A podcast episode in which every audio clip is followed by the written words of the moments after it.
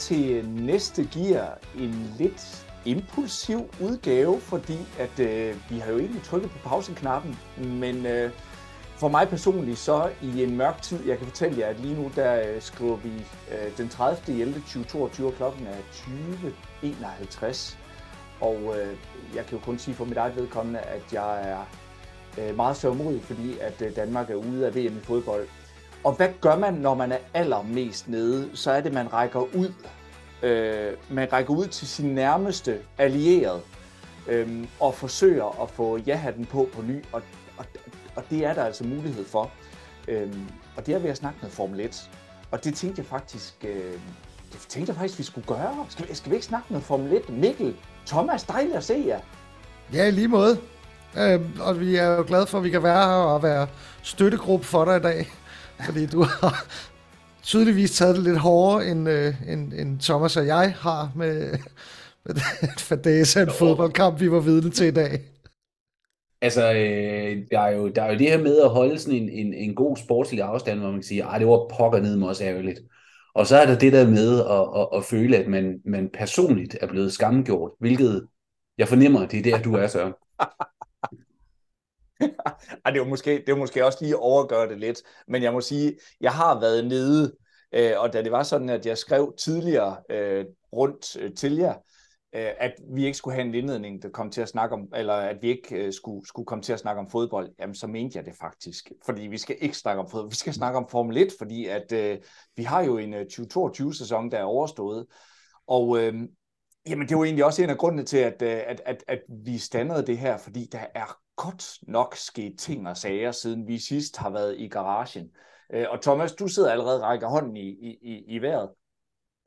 Okay, og nu håber jeg ikke, at, at jeg kommer til at øh, skamskyde dagsordenen, men, men jeg skrev bare lige ned, hvad jeg sådan lige hurtigt kunne komme i tanke om, der er sket, siden vi snakkede sidst. Ikke? Hold nu lige fast. Okay, Red Bull er blevet til favoritter, Mercedes er blevet til delvis taber, Max Verstappen står øh, løbsejrrekorden for, øh, for øh, en helt Formel 1-sæson. Russell kører fra Hamilton. Magnus sætter, Magnussen sætter sin første plads i kvalifikationen. Øh, Williams siger farvel til penge i Formel TV, og goddag til penge i forhold til en amerikaner. Fælde siger farvel. Har siger farvel til Schumi. Ricardo siger farvel for nu. Binotto siger arrivederci til øh, det, nu er jeg lige, lige ved at sige sådan amerikansk, men, men vel egentlig italienske skideskuer. Og så er der øh, Mikkel. så er der Mikkel, der, øh, der ende, endegyldigt her i slutningen af øh, sæsonen kan sige sig at have bevist, at hans udtalelser ikke altid holder stik. Jeg skal nok lade være med at komme mere øh, øh salt i såret, Mikkel. Men til gengæld, uden at have kigget, garanteret har overhældet mig inde på holdet.dk. Der er fandme med sket meget siden sidst. Men det er jo perfekt øh, opsummeret, og på den note, så vil jeg gerne sige tak, fordi I var med øh, og have en fortsat god aften. ja, jeg vil altså, sige, altså, det kræver jo, for at man kan overhale nogen, det kræver jo sådan set, at man har været bag ved dem på et tidspunkt. Uh, og bøn. Jamen prøv at høre. Altså, jeg tror godt, jeg har kunne have skrevet 10-15 ting mere på end det her. Og det er bare siden vi snakkede sammen sidst, ikke? Øhm, og, og altså, jeg tænker, øh, holdet i sig selv fortjener en hel podcast på et eller andet tidspunkt, fordi jeg, jeg, uden at have været inde og kigge, altså jeg har ikke brugt mit password siden sidst, så er jeg fuldstændig overbevist om, at der er gået i lidt med den ene konstant, der hedder, at jeg stadig ligger i bunden. Men det skal vi måske tage på et senere tidspunkt. Jeg synes, der er så meget at snakke om, at vi nærmest bare skal springe ud af det. Hvad siger I til det? Øh, ja, altså inden at vi springer sådan endegyldigt, nu plejer jeg jo som regel at være tovholder, og forsøger at holde, holde jer i kort snor. Altså øh, mine to yndlings øh, selvbestaltede eksperter i Formel 1-cirkuset, og det vil jeg faktisk også forsøge på i aften. Jeg vil dog lige komme med en disclaimer at det her det er sådan lidt en særepisode, fordi at øh, vi har tændt lyset i garagen for en gang skyld, men det er ikke øh, ens betydende med, at vi på nuværende tidspunkt er i hvert fald endegyldigt tilbage. Dog kan vi jo lige løfte sløret for, at vi i januar optager øh, vores nytårsspecial. Øh, men dagens episode, det jeg bare vil sige, var, at Altså, det er ikke fordi, vi har forberedt os sådan synderligt godt, så det kan godt være, at det kommer til at stikke lidt i en masse retninger, så vi undskylder all, allerede på forhånd øh, til garagen. Men, øh, men ikke desto mindre, så er der bare så meget at snakke om. Og øh, nu skyder jeg bare lige et navn ud, og Thomas, jeg synes, du skal gribe den også, fordi du kom med en øh, perfekt tribute inde, øh, inde på vores Facebook-side. Øh, Fettel, kan du ikke lige sætte lidt ord på, hvad det er for en arv, han, øh, han efterlader?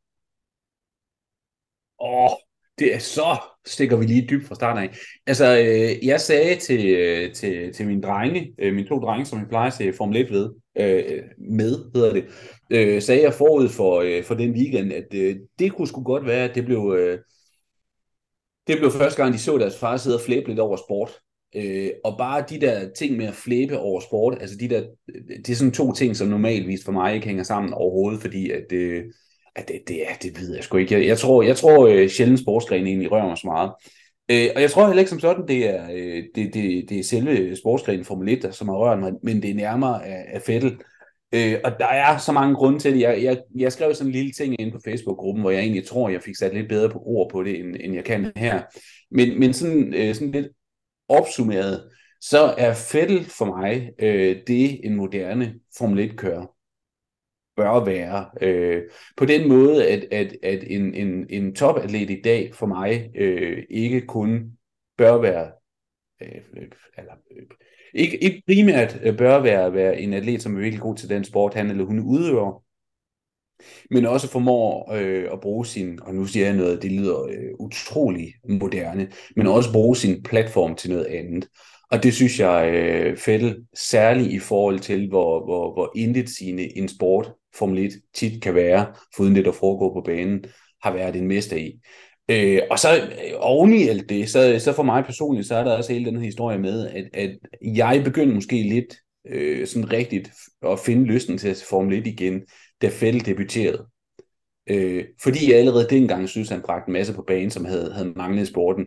Ikke mindst en menneskelighed, som, øh, altså, det er for fanden, man, altså, for, for, for halvdelen af feltet, kunne vi næsten stadig sige, at det er androider, der kører rundt i de her biler. Ikke? Altså, der er meget, meget lidt personlighed.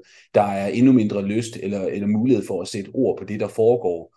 Øh, og der kom Fettel ind fuldstændig rev tæppet væk under sporten øh, dengang. Øh, og det, det gjorde egentlig, at jeg er sådan rimelig meget med det samme blev en fan af ham. Og så, har, så som jeg også skrev, øh, så tror jeg sådan lidt, at jeg har, jeg har frygtet den her øh, dag, øh, lige siden han begyndte at køre, fordi at jeg havde en snigende fornemmelse om, at selv når Fettel, han, øh, han engang trækker sig tilbage, jamen, så vil der stadigvæk ikke være nogen, øh, der vil stadigvæk ikke være en arv til at gøre alt det for sporten, som jeg synes, han har gjort. Øh, og sådan synes jeg egentlig stadigvæk det er, og det, det synes jeg er rigtig, rigtig ærgerligt. Jeg vil sige, der er et, et par, øh, par upcoming profiler, som måske engang i fremtiden kan løfte. Norris ser en stor stjerne i og så videre. Jeg synes, han er virkelig fornuftig, også uden for banen, og, og også kan, kan udtale sig intelligent og med et smil og så videre. Øhm, men, øh, men, men, men jeg, jeg synes, det er en kæmpe, kæmpe mangel for sporten, at, at fældet smutter nu. Øhm, ja, og så kunne jeg for øvrigt snakke en halv time mere, tror jeg. Men hvad er det for, altså fordi at uh, Fettel har jo øh, i min bog, øh, i hvert fald i de senere år, været meget privat, altså en privat person omkring hans familie, og, og har, har, har formået som, som, som en top sportsmand reelt set stadigvæk at holde sit privatliv og sin karriere adskilt, og egentlig kun sætte fokus på, på den dagsorden, som han selv ønskede. Og det tror jeg egentlig for så vidt er, er øh, en kunstart øh, sådan i, øh, i, i dagens sådan top sport og Formel 1 specifikt, som der er så meget fokus på, og der er så meget øh, medvind på øh, i øjeblikket. Øh, men hvad er det for en racerkører, som vi reelt set siger farvel til, øh, Mikkel? Jamen altså, det er jo... Øh, Fettel har jo altid været en... Altså, han har altid været lynende hurtig, og øh, en, en intelligent kører, synes jeg. Øh, det, det, jeg synes, det har været meget sjovt at se hans, hans udvikling fra den her... Han har været den der helt... Øh, det helt unge talent, da han kom ind, der synes jeg også, det var utrolig spændende. Så havde han de her Red Bull-år, hvor han jo var, øh, altså han var jo nok mesteren af, af at, øh, at tæmme sådan en double diffuser, som jo var, var det, der var i de fire, de fire år, hvor han tog mesterskaberne. Men hvor han også viste nogle andre sider, øh, måske nogle lidt mere kyniske sider. På mange måder var han også en kontroversiel kører i, det, i, det, øh, i de år, og så så man selvfølgelig den her udvikling over til, til en... Øh, Ja, altså til, til hans, hans, okay, hans Ferrari-stint var måske ikke det mest øh, succesfulde, og det mest, øh, hvad skal man sige, der var han ikke, øh, han, han virkede ikke så motiveret, og nej. så, nej. Og så... Var han ikke øh, det? Altså, øh, om det, om det nej, ikke... Det, kan, men, det kan godt være, jeg, fordi jeg kun egentlig rigtig husker det, det sidste stykke tid hos Ferrari, hvor det, hvor det jo det hele var ved at falde fra hinanden. Og så har man så set ham her, det sidste stint her hos, øh, hos Aston Martin, hvor han jo igen har været denne her meget, øh, altså har virkelig været øh, engageret og prøvet at drive det her team frem, og, og øhm, også på den, altså man kunne høre det allerede så sent som i aller sidste løb, da han var kørt over stregen i sit øh, sidste Formel 1 løb, at han, øh, jamen altså, der var han i gang med at analysere, hvad der var, der egentlig gik galt, og, øh, og øh, jeg ved ikke, om de har haft lyst til at have med til debriefing bagefter, men han, han har sikkert også været med der og, han lavede en sin famøse, besøg med. Jamen, han lavede en, øh, et af sine famøse marathon debriefings bagefter, øh, som han alle dage har været kendt for, hvor han virkelig går i, i hvad hedder det, i, i detaljerne med det hele. Øh, og det var Aston Martin ude og kommentere på, at, at de fleste andre kører vil nok have, have taget sig en drink eller 14 bagefter, men, men han var klar på debriefing og så videre, ikke? fordi at der var stadig noget at arbejde for. Må, må, jeg ikke lige, altså, må jeg ikke lige kommentere på det der med Ferrari? Jo. Fordi at, øh, at jeg synes faktisk, altså jeg, jeg tror rigtig mange har den samme opfattelse. Det her med, at, at øh, altså jeg tror ikke rigtig, man kommer udenom, at de sidste par års Ferrari, det, det, det blev lidt øh, en, en, en selvantændelse og så videre, ikke? Og, og en fælde, der, der delvis smeltede sammen under presset. Ikke desto mindre, øh, så synes jeg også, det hører med til historien, at det er jo historien om Ferrari. Og jeg ved godt, at, at, øh, at alle sladerhistorierne var, var efterfældet en gang, og, og han blev vederne for presset, og han skulle bare videre, og han, blev, han fik et grimt exit fra Ferrari og så videre, som, som virkelig var under billedstedet ved at våge på, og det er måske en smagsag. Øh, men, men jeg synes, jeg synes måske mere realistisk øh, er at kigge på Ferrari både før og efterfældet. Ferrari har, har altså de vandt et verdensmesterskab med, med Kimi Räikkönen og så videre, og ellers er der selvfølgelig storhedstiden med, med, med hvad hedder det, Schumacher selvfølgelig. Men hvis vi ser ud over det, altså ud over, at de har haft den suveræn bedste bil, og måske også den bedste kører og så videre, så er det historien om Ferrari om og om igen. Og endnu mere relevant er det nu, nu skal jeg ikke spoil ind i de historier, vi kommer til at snakke om senere, men hvis du kigger på sammensmeltningen med, med Charles Leclerc øh, sammensmeltning, nu ikke nødvendigvis kun på hans side, men den her sammensmeltning, der har været mellem Charles Leclerc og Ferrari, som nu har resulteret i et rimelig dramatisk skifte for Ferrari, så er det jo præcis den samme historie, som gentager sig selv. Det er, det, du, altså det er ord for ord den samme historie, der bliver ved med at gentage sig. Og det kan være, det er fanboyen af Fettel i mig, der, der, der sådan lige har lyst til at pippe op der, men jeg synes faktisk, Fællet, han er, han er den kører, som indtil videre, hvis du tager Schumacher ud af regnskabet, har været tættest på at rejse det her Ferrari-hold op igen. Uden at lykkes med det. Ultimativt, må man så sige. Men, øh, men igen, altså, det er en, øh, det er en total fælde fanboy, der sidder og snakker, så, øh, så det kan også være, at det er bare mig, der har de lyserøde briller på. Altså. Men, men kan der være noget om det, Thomas, sådan at øh, han i de senere år, altså, øh, og nu snakker jeg specifikt Aston Martin-tiden, øh, måske har fået lidt, øh, lidt mere bløde albuer, øh, end han havde sådan i hans, øh, i hans Red Bull storhedstid, øh, og det måske har været en hemsko for ham. Altså, øh, det, det, det, som man jo læser om ham, det der bliver interviewet, det der bliver sagt om ham også her øh, efter hans sidste løb, det er jo, at han er jo faktisk lige så meget ingeniør, som han er, han er racerkører. Øh, og han er meget teknisk begavet, og det gør også, at nogle gange så kan man blive i tvivl øh, inde, i, øh, inde i garagen, når man reelt set står og snakker med en af, af de andre ingeniører, eller man står og snakker med, med ham som kører. Kan, kan, kan der have været noget i det, at han måske er er for teknisk i hans sådan, øh, sådan analytiske tilgang til at køre race, og det måske har været en hemsko for ham i de senere år, eller, eller, eller hvordan? Det tror jeg ikke, fordi sådan har han altid været. Altså øh, øh, allerede fra, fra hans første år så Rosso, der, der var der historier om, hvordan at, øh, at han, ligesom sit store forbillede øh, Schumacher, var den sidste, der forlod garagen, øh, var den, der gik rundt og stillede alle spørgsmål til mekanikerne, gerne ville vide, hvordan tingene fungerede, kom med sit input, havde de her marathon sessions, debriefings bagefter osv., hvor han gik igennem alle detaljer på en måde, hvor det nærmest blev grotesk til sidst, og det er en historie, som har fulgt om hele vejen. Jeg tror, jeg tror måske, en af grundene til, at der blev sat fokus, øh, mere fokus på det hos Aston Martin, det er, at det er et hold, der har haft brug for det. De har haft brug for en lead-kører, som kom ind og sagde, det er det her, vi skal, eller det er det her, jeg tror, vi skal med mine erfaringer osv. Og jeg tror nemt, det, jeg tror, det kan være nemt, at de der historier øh, øh sådan lidt smelt sammen en gang imellem, også fordi, at Fælde begynder at snakke om en masse andre ting, så, og han, han begynder at snakke mere om sin rolle som far og så videre, og så smelter man måske sammen. Hvis vi udelukkende kigger på, på, på resultaterne, jamen så er han alene i overskud dobbelt så mange point som Lance Stroll, ikke? Så han har jo performet det, han kunne på banen. Og jeg synes heller ikke, øh, jeg synes heller ikke, særligt i den seneste sæson, hvor Aston Martin har haft det virkelig svært, jeg synes ikke, der har været altså, ret mange ting at udsætte på, øh, på hans kørsel på banen, det må jeg sige. Så, så, så jeg, jeg, jeg tror egentlig, at han lidt havde genfundet lysten igen, men også var kommet dertil, hvor han vidste, at det var nu eller aldrig, hvis han skulle lave noget andet med sit liv. Ikke? Men er det, er, det, er det hans beslutning 100% at stoppe samarbejdet med Aston Martin? Øh... 100% ja. Ja. Der, der er slet ingenting at komme efter. De, øh, de stod klar med en, angiveligt klar med en, øh, med en kontraktforlængelse øh, øh, på lige så mange år, som han havde lyst til, ifølge øh, Mike Craxel.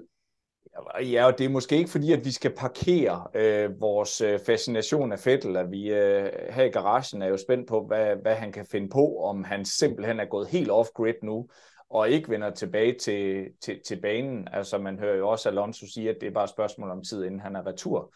Øh, og på den note, så synes jeg egentlig også, det er lidt spændende at se, jamen, hvad er det for en strategi, som, øh, som Aston Martin egentlig ligger for døren for 2023, og hvad er det for et køreline op? Og kan du ikke lige sætte et par ord på, på det, Mikkel? Jo, fordi øh, de er gået fra den ene veteran til den, til den næste. Så øh, konstanten på det hold, det bliver jo, det er jo Lance Stroll. Og øh, ja, og man kan sige, det, det virkede umiddelbart som om, at forholdet mellem øh, Fettel og Stroll øh, har været sådan, det har været ok. Det har ikke, det har ikke stået de, de store gnister, og øh, selv, selv da, da Stroll i, var det i Brasilien, er ved at, at sætte Fettel af, øh, sætte ham i væggen, og, øh, og, og Fettels eneste kommentar, det er, okay.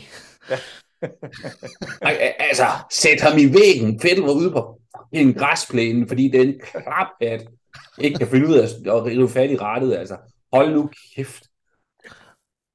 Men ja, nu bliver det så Alonso, en anden gammel rev, der, der skal ind og, og tage det sæde, og jeg tvivler på, at, øh, at det kommer til at gå, gå lige så stille for sig, ja. som, øh, som, altså, jeg tror ikke, Alonso han ville finde sig i det der, men jeg kan jo bare se, hvordan ham og Ocon, de har, øh, de har haft deres kontroverser hen over sæsonen. Det er sådan en hej, de har lukket ind i, i akvariet lige nu, ikke? Altså, hvor, hvis, hvis Fettel han før var sådan en, nå, men vi, vi kan godt sammen, og jeg tror på, at, at, at vi løfter det her sådan noget, så kommer der sådan en hej som siger sådan, jeg æder dig fra dag et, og du har ikke en chance. Altså, du, du, bliver, du bliver tædet til muren. Jeg glæder mig så meget til at se Alonso brænde fuldstændig. Altså, enten så får han det lige, som han vil have, og, og øh, altså udkøre øh, øh, øh, Stroll på en måde, som vi ikke har set før, og ellers så bliver det en total Alonso selvantændelse. Altså, altså vi, vi, ja, vi skal jo huske på, at øh, altså, øh, vi er jo nogen i garagen, som har et horn i siden, og til stadighed har et horn i siden på, øh, på den kære Lance Stroll. Altså, øh, men, og derfor så har jeg måske heller ikke så meget fidus til ham, men er, altså, er vi ikke inde i, inde i, at vi ser ind i 2023, hvor at Lance Stroll han nok ligger som sådan øh, backmarker, og så øh, Alonso, han, øh, han kommer til at lave lidt det samme nummer, som han har gjort især her i anden halvdel af sæsonen i, øh, i, øh, i Alpine. Altså, øh, øh, jeg, jeg, kan, jeg kan ikke se billedet af, at vi ser Lance Stroll i den samme infight, som, øh, som, som, som nogle af de episoder, der har været med Esteban Ocon øh, i år. Øh, det ved jeg ikke, om, om I har nogle kommentarer til, Thomas? Jamen altså, jeg, jeg, jeg, har jo, jeg har jo om nogen rost Alonso for det her arbejde, han har gjort med at genopfinde sig selv og genopfinde historien om Alonso. Og jeg er stadig ikke helt vild med ham som en racerkører, men det er ed og mame imponerende, hvor lidt han nogle gange er i stand til at styre hans ego, fordi at herefter han havde skrevet under med Aston Martin, ikke? nej, den der bitterhed, den begynder bare at komme til overfladen igen, og de kan ikke finde ud af at lave en motor, der kan holde til noget, og, og øh, ja, så er han der igen, ham der, som jeg ikke engang vil nævne navnet på, men som åbenbart ødelægger mit potentielle verdensmesterskab, og jeg skal komme efter dig. Nej, hvor er det vildt. Altså, det er så vildt, hver gang han skifter hold, så sætter han ild til alle bror, han går fra, ikke? Men skal, øh, altså, der, der kunne vi også lige tage en lille reference, i og med, at det her det er et samsurium, og det er lidt impulsivt, jeg undskylder endnu en gang, men vi kunne også lige nævne, at det der med at Altså, jeg, jeg, jeg forstår bare ikke konceptet, men det er bare mig. Altså, øh, hvis det er sådan, at man, øh, man, man, man slutter et samarbejde med en arbejdsgiver, så går man normalt pænt hen og siger tak for et godt samarbejde, og så rykker man videre. Altså, man, man brænder ikke lortet ned til grunden, og så skrider man. Men det er jo det, Alonso har gjort, men det er også det indtryk, jeg har stået med øh, hos Gasly. Altså, han har godt nok heller ikke lagt fingre imellem Mikkel. Altså. Nej, øh, Han skulle bare lige sende en underskrift, så blev der sat ild til den bækstad. Ja, det gik ret hurtigt. Uh, nu kan jeg ikke huske præcis, hvad han har ude at sige, men jeg kan godt huske, der har været noget, uh, at han kunne ikke komme hurtigt nok over til Alpine. Ej. Så, uh, ja, godt nok. Og jeg, og jeg vil så også sige, at jeg er godt nok også spændt på, hvordan det makkerpar, Gasly og Ocon, fordi uh, Ocon, han har været, han har jo kæmpet uh, hvad skal man sige, hårdt med, med alle de teammates, han har haft. Altså med Perez, der, de var gode til at, at nærmest sætte hinanden i muren, og det samme var gældende mellem, øh, især her i slutningen af sæsonen, der var nogle episoder, hvor, øh, ja, hvor Alpine måtte ud og snakke med store bogstaver til de to, at nu kunne de med med godt lige tage at tage sig sammen og, og køre for, for teamet og ikke for dem selv. Øh, så og jeg tror egentlig, at øh, det, jeg tror, at den historie kommer til at fortsætte med, med Gasly og Ocon. Det bliver ikke meget bedre.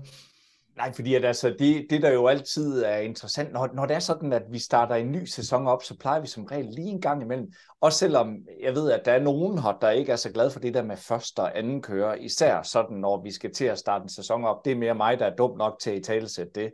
Øhm, og, og, og skulle vi finde på at trykke på optag-knappen i 2023, så er jeg nok dum nok til at sige det igen, så det undskylder jeg allerede på forhånd. Men hvis man kigger ned, så tror jeg måske også, det er der, hvor det er allermest interessant at skulle se sådan i det her indleden, øh, det her indbyrdes forhold, der er mellem de to, fordi jeg tror, de har, de har en idé om, at de begge to nok er første kører, eller hvad? Det kan være, de skulle sådan en løsning, der hedder, at den ene er kører 1, og den anden er kører A. jeg, er, jeg er fuldstændig overbevist om, at i kontrakten med Gasly, der der stod, du, var, du, du er helt sikker først kører, kom du over til os, det bliver så fedt. Imens hele holdet bare er gået til Ocon og sagt, jamen du er den, der har været hele tiden, selvfølgelig er du første kører, du får det hele.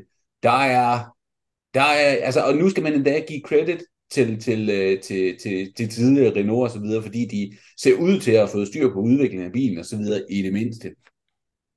Men det der sådan, øh, altså øh, intern team management, det, det, det er sgu, altså det vil jeg være overrasket over, hvis de havde taklet sådan helt uden problemer. Men okay, altså det er sket før, ikke? Prøv et, et ildert fransk temperament i en hel garage, altså det, det, det, det kommer til at blive underholdende, det er der slet, slet ikke nogen tvivl om tænk, tænk sig, hvis uh, Cyrilien gjorde, uh, gjorde uh, altså comeback, ikke? Hold da kæft. Jo, ja, og det skal jeg også sige, altså vi kommer ikke til uh, i dag at, uh, at, at snakke særlig meget uh, sådan 2023 overall og gå kørende igennem, altså fordi at uh, der, der tænker jeg også, at, uh, at både vores julespecial går vi nok lidt mere ned ad den vej, uh, hvor at, at der jo er nogle rigtig spændende kører, som, uh, som er up and coming, men vi kommer alligevel til at vente dem, fordi at det er jo også sådan vredet ind i, det er jo bredt ind i hinanden. Øhm, og for at gå tilbage til, til netop Fettel, for det var der, vi startede, øh, og at han jo egentlig havde Schumacher som protégé, om man vil, øhm, så det er det jo også det samme forhold, der jo er blevet sådan mere og mere etableret, mere og mere åben, om man vil, øhm, i forhold til Mick Schumacher, øh, som har været Fettels protégé, øh, og, og de har haft et meget nært forhold. Måske en, en gang imellem, hvor man tænkte, okay, nu, nu, nu bliver det lige lidt for voldsomt, fordi I er også konkurrenter, sådan i min bog. Uh, Thomas, du sidder allerede og kigger skeptisk, men ikke desto mindre, så er Schumacher, han, øh, han er færdig hos Haas, øh, og bliver skiftet ud med en gammel kending, øh, Hylkenberg, og jeg gider ikke at bruge to sekunder på at, at, at snakke om den historie i, øh, i, øh, i presselogen, han havde sagt mellem Magnussen og ham øh, i tidens morgen, det er slet ikke der, vi er. Øh, men, men, men, men Schumacher er ude, og Hylkenberg, han er inde hos Haas. Øh, ja, altså, den kom, jo, den kom jo snigende, øh, men jeg havde godt nok ikke set den komme sådan, når man ser over, over kan man sige, det samlede billede. Er, er det helt skævt, Thomas? Men altså, det er jo en af de her up-and-coming rookies, du snakkede om før, øh, den unge her, her Hylkenberg. Øh, altså, øh, og, og nu lyder altså, det var, det var ikke fordi, at jeg for, for seks måneder siden kunne have sagt, at Hylkenberg han er inde hos Ars, men jeg er ikke så overrasket over det. Fordi jeg har hele tiden haft en, en, en, en, en fornemmelse af, at, at, at det, altså Haas, på trods af, at, at de bliver beskrevet på alle mulige forskellige ting, øh, måder og så videre, øh, alle mulige tænkelige øh, øh idéer om, hvad, hvad Haas er og hvad Haas ikke er og så videre, så er jeg ikke et sekund i tvivl om, at det Haas egentlig gerne bare vil, det er stabilitet. Fordi det har de ikke haft i nogen sæson indtil videre. De snakker jo meget om, at de vil gerne tilbage til den her, var det femteplads, de sluttede i mesterskabet i deres første år, eller sådan noget. Det vil de gerne tilbage til, og det kræver stabilitet. Og når du siger stabilitet, så findes der ikke mange, øh, mange kører, som, som du kan få fingrene i lige nu, som er mere stabile end Hylkenberg. Han passer et eller andet sted perfekt deres profil, fordi de kommer heller ikke næste år højst sandsynligt til at have en bil, der kan ligge og køre om podiepladserne. Men de kommer højst sandsynligt til at have en bil, som særligt i den første del af sæsonen måske kan score point. Og det er der, de skal score deres point. Og de skal have en kører, som, som, øh, som, som allerede er udviklet, som de allerede ved, hvad leverer, når de sætter ham i bilen. Og, og kan, du, kan du komme på nogle kører, både øh, i nyere eller ældre tid, den beskrivelse passer på en Hyldenberg, fordi det kan jeg ikke. Han er totalt købt til at score de, de nu, parentes, sikre point, og ikke så meget mere end det. Og så håber de på, at de giver dem så meget på bundlinjen som muligt. Øhm, ja, det, det, det, det, han, han skal jo ind og fylde den, den samme rolle, som Magnussen egentlig gør, ikke? Præcis. At, at på de dage, hvor der er mulighed for at score point, og det bliver ikke, det bliver heller ikke i, i 23 øh, ved alle, alle løbsweekender, men de weekender, hvor der er der, der er der ikke råd til, til rookie mistakes, og øhm, så jeg ser også Hylkenberg som et, øh, som et oplagt valg, øh, selvom jeg altid er sådan lidt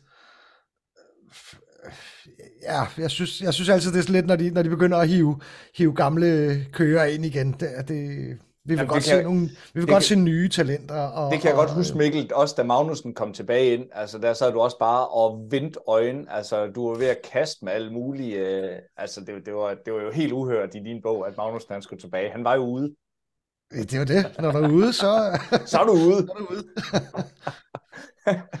Altså, Nej, men... jeg, jeg, jeg synes faktisk, det mest spændende i forhold til det der, det er, at, at det bliver sgu den, den, den, øh, den største, øh, øh, mest vanskelige målestok, Magnussen har stået over for. Ikke? Altså, hvis Magnussen ender med allerede næste år at score flere point end Hylkenberg, så vil jeg faktisk sige, at det er ret godt klaret. Og jeg ved godt, at Hylkenberg har været det ude, og han ikke haft en, en hel sæson og så videre. Men, men han, han slår mig med hans historik som en, som er ret god til at sætte sig ned i en bil, og så egentlig performe fra dag et. Øhm, så så jeg, jeg er spændt på at se, hvordan, ikke om de to kan sammen, fordi det er jeg slet ikke i tvivl om, at de sagtens kan, men hvordan øh, øh, konkurrencen egentlig kommer til at foregå mellem dem. Øhm, ja, altså, øh, jeg ved ikke, om, om jeg ser øh, Hylkenberg øh, værende bedre end, end Grosjean. Øh, det, det, det, det ved jeg ikke. Altså, jeg synes, da, da Grosjean han var på sit højeste, altså der, der udgjorde han der i min bog en lige så stor trussel som Hylkenberg. Øh, jeg, jeg kan nok godt følge den her med stabiliteten, at den fik man ikke hos Schumacher. Men grund, hvad, hvad var grunden til, Schumacher han røg ud? Altså, var det netop det spørgsmål? Altså, der går jo meget, øh, der, går, der går jo mange historier på, at det simpelthen var øh, for omkostningstungt øh, hen over sæsonen, at, øh, at han var, øh, han var for ustabil og, og sat for mange biler i væggen. Øh, er, er det derfor? Eller, eller er det simpelthen fordi, de skal de har en klar strategi for 2023, og det er at score så mange point som overhovedet muligt fra, fra, fra start af, og det kan de kun gøre via den her stabilitet, Ikke? Jeg, jeg, jeg hørte et tal i går, der hed noget med, jeg tror det var 25 millioner pund, han havde øh, kostet i, i skader i løbet af, af året. Og samtidig har han jo så ikke, jeg kan ikke huske, hvor mange point han har hævet hjem, øh, det kan jeg hurtigt finde ud af, men det, det er i hvert fald ikke særlig mange point, han har fået hævet hjem i løbet af året. Så, så ikke nok til at betale for skaderne, og jeg ved heller ikke, hvor mange penge han ligesom har haft med til teamet. Og hvis du samtidig har et team, som, er, som ikke er oppe og i nærheden at være, øh, og, og ramme det her øh, budgetloft, så, så, så, så bliver det svært at, at forsvare at have sådan en, en, en, en ung kører.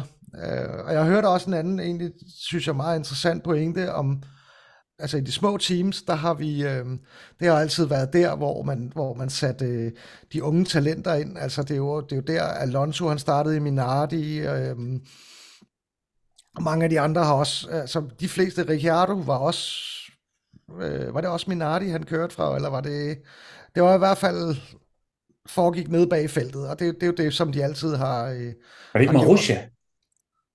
Det kan sgu godt ja. være, det var Marussia. Ja, det, det, kan godt være, det kan godt være, at Minardi ikke eksisterede på det tidspunkt. Men spørgsmålet er nu, om med det her cost cap, om, om, kø, om de små teams har råd til at tage de her unge talenter ind og være rogekasse for, for de store hold. Både med, med kostkappen, og så de her, øh, ja, de tjener ikke særlig mange point, Ja, og, og, og store omkostninger, øh, fordi de, de jo lige skal, skal lære at køre sådan en Formel 1-bil og lige have taget de værste øh, unåder ud af sig, ikke?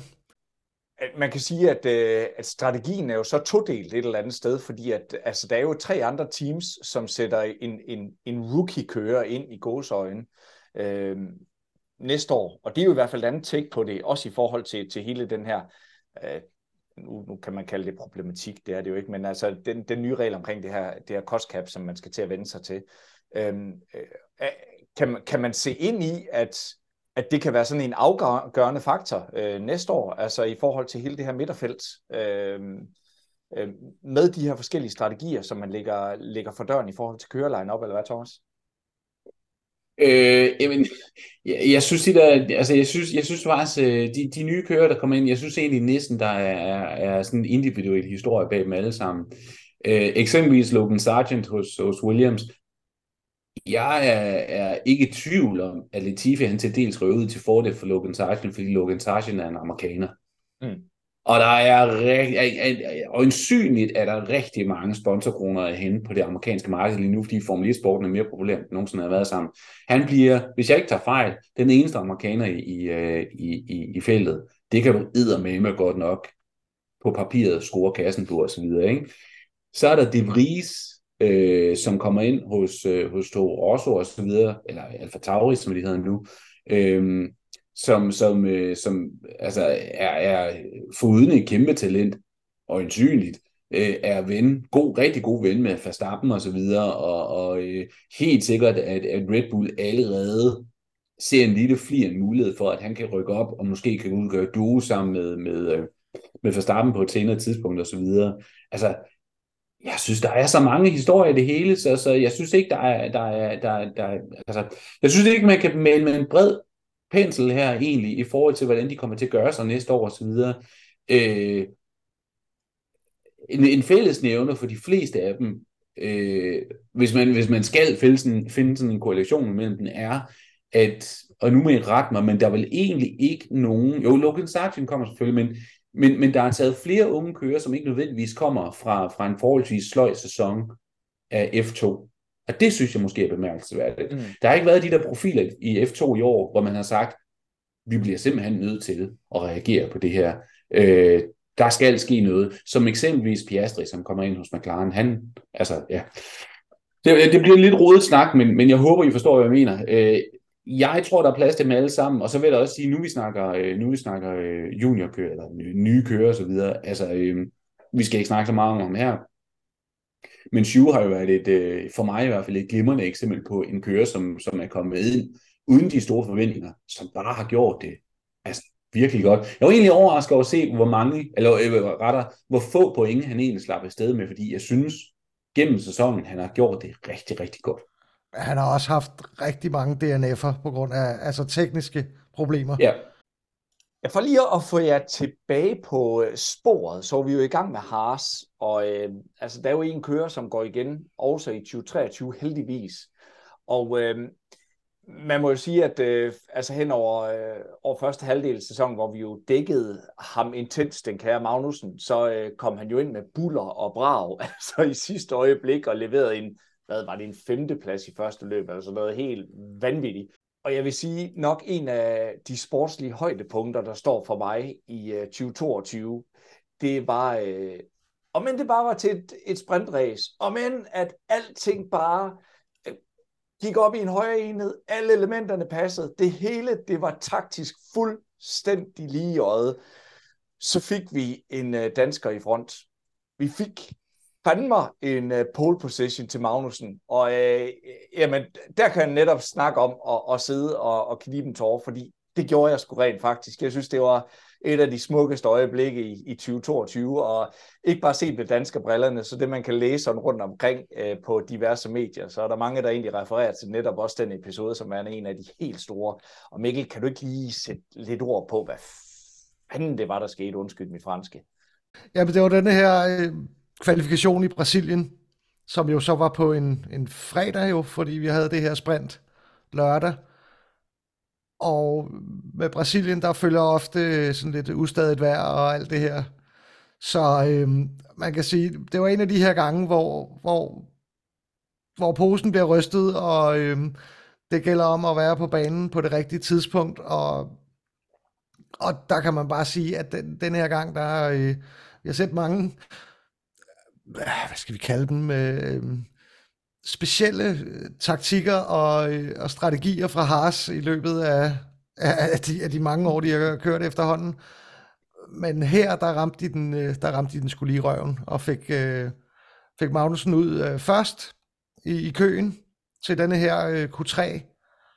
Og han, altså, og det, det var jo ligesom det, der grundlagde det, at han så går ud og sætter måske en af hans bedste omgang nogensinde, det, øh, det, det, det var med til at, at, at få det her hjem, og man, man troede jo nærmest ikke på det. Og, og man kan så sige, da, da der så blev det her røde flag, da, øh, da Russell han på, hvad jeg vil sige, faktisk lidt klodset vis, fik sat uh, sin bil fast ude i en af, af kattebakkerne der, så, øh, ja, men så, man, det var jo næsten, det var jo ikke til at holde ud. Man sad der og ventede, okay, kommer der, altså det her røde flag, det kan bare blive ved resten af, af, af den her session. Det, det er ikke noget problem for, for, for de fleste danske fans, tror jeg. Um, og det, det, det, da det så blev startet igen, så tænkte man, nej, nej, ja, okay, det var, det var, det var spændende, så længe det varede, men øhm, så, så var værkuderne jo heldigvis med, øh, med Magnussen og, øh, og Haas, og øhm, den, den smule regn, vi gjorde, var, øh, eller det vi fik, det gjorde, så der ikke var nogen, der kunne gøre noget ved den tid. Og hvis man ser på den der den sammenligning, der har været med, jeg tror, så vidt jeg husker, så var Verstappen nummer to i den her kø. Og øhm, altså, den har I nok alle sammen set, den her, øhm, den her sammenligning af de to omgange. Og der kan man bare se, hvordan han fuldstændig nailer den her omgang, på trods af, at, øh, at, at, at Red Bull kører så afsindig stærkt, når det går lige ud, så var det en, en, en rigtig god omgang af Magnussen, og en sådan halv sloppy. Der var i hvert fald et par småfejl af, af, af Verstappen undervejs. Øhm, og normalt så kan man godt slippe afsted med det, når man sidder i en Red Bull, men øh, med, med de her forhold, øh, der var det en dag, så var, jamen, så var den hjemme, og det var bare sindssygt flot. Ja, det skal jo siges også til, øh, til vores kære lytter, at uh, der var jo sådan et, et, et ekstra kirsebær på, uh, på kransekagen, han havde sagt. Altså, uh, det var jo, at uh, ja, jeg tror, jeg havde fået uh, frysepizza til aftensmad, og uh, vi havde da delt nogle billeder. Mikkel, var det kyletter eller sådan et eller andet, du havde fået? Og så var der... Uh, nej, det, var, det, var bare for, det var bare for en name drop kyletter. Men altså, øh, der, der havde vi jo vores, øh, vores sidste part i garagen, som sad på fin restaurant, og, øh, og, og, og, og vi bombarderede vel bare med beskeder. Øh, og jeg kunne forestille mig, i, i, i det at etablissement, du sad i, Thomas, der håber jeg, at, at din telefon der var lydløs, fordi vi bombarderede det bare. Det var også sådan halvhånlige beskeder, fordi det var en aften, der gik over i historiebøgerne. Det kan vi lige så godt sige med det samme. Ja, men, øh, men, men det er fuldstændig rigtigt, men det var også på sin plads. Altså, jeg var så meget oppe at ringe over det, jeg blev nødt til lige at undskylde mig selv, og så måtte jeg gå ud og se, hvad fanden det var, der foregik. Og så var jeg så meget øh, op at ringe over det, øh, da jeg kom tilbage, at jeg begyndte at, at, at fortælle om det i et selskab, som øh, jeg ikke tænker har haft særlig mange Formel 1-fans, men, men, men de, jeg synes også, det var fantastisk, og, og tog godt imod. Så, så det kan mig måske heldig. Øh, jeg synes, ja, hvad, hvad kan man sige, det var jo øh, det var fantastisk, og, og det, det, er, det er totalt tavligt et eller andet sted, at du allerede bringer det på banen nu, Søren, fordi nu kommer jeg til at, altså, nu kommer jeg til at selv sabotere, fordi nu sad jeg før og sagde sådan, at men der er måske, det er måske den eneste gang, jeg lige kan komme i tanke om, at jeg med fælde, at jeg kunne, jeg kunne finde på at sidde og, og, og finde en lille tårer og. Det, det er jo sket to gange på den her sæson, ikke? Altså, så, så igen, jeg, jeg er fuld af, af, af noget meget grimt et eller andet sted, fordi ja, det har været to gange den her sæson. Og jeg vil så sige, blev man ikke, blev man ikke øh, ramt af resultatet i sig selv som Magnussen-fan, så alt det her, der var udenom, med holdet, som står og banker på bilen, med fansene, som, som hver gang de viser Magnussen i garagen, køber totalt ind på den her underdog-historie, med, med, med publikummet, som sidder og, øh, og råber øh, Magnussens navn, med, øh, med den her banken på bilen, der bare bliver højere og højere, jo mere realistisk. Det bliver jo indtil Magnussen vender sig mod kameraet med det største smil og laver de her sådan skillerede øjne og så videre, fordi han har publikummet i sin hånd på det, øh, på, de det tidspunkt der, og til han så rejser sig op af, af bilen. Altså, det er sådan lidt, det, det måske sådan, det lyder sådan nærmest sådan lidt filmagtigt, men, men det køber jeg fuldstændigt ind på. Altså, jeg er en sokker for den slags, øh, og det, det er fuldendt det for mig. Og så vil jeg så også, altså, Udover at, at han altså, ja, det var et spørgsmål om time, men det var også et spørgsmål om, som Mikkel siger, at han satte en skide god omgang. Skal vi altså også lige til, til, til det efterfølgende, det var et sprintrace med, tror jeg, hvor han faktisk, altså, i en hars, sætter den fuldstændig rigtigt fra starten, og holder de her meget, meget hurtigere biler bagved sig med, med reelt god kørsel, så lang tid han kan, hvor efter han kører det optimale race, du kan køre i en, i en, øh, i en Haas racer anno nu 2022, ikke? Øh, og faktisk ikke sætter en, en, en fod forkert. Øh, ja, så er der nogen, der vil sidde og sige, at han kom jo ikke på podiet, eller han fik ikke en førsteplads, eller sådan noget. Nej, han gjorde det optimale i forhold til en Haas, og det, det synes jeg skulle egentlig også, han fortjener kæmpe stor credit for.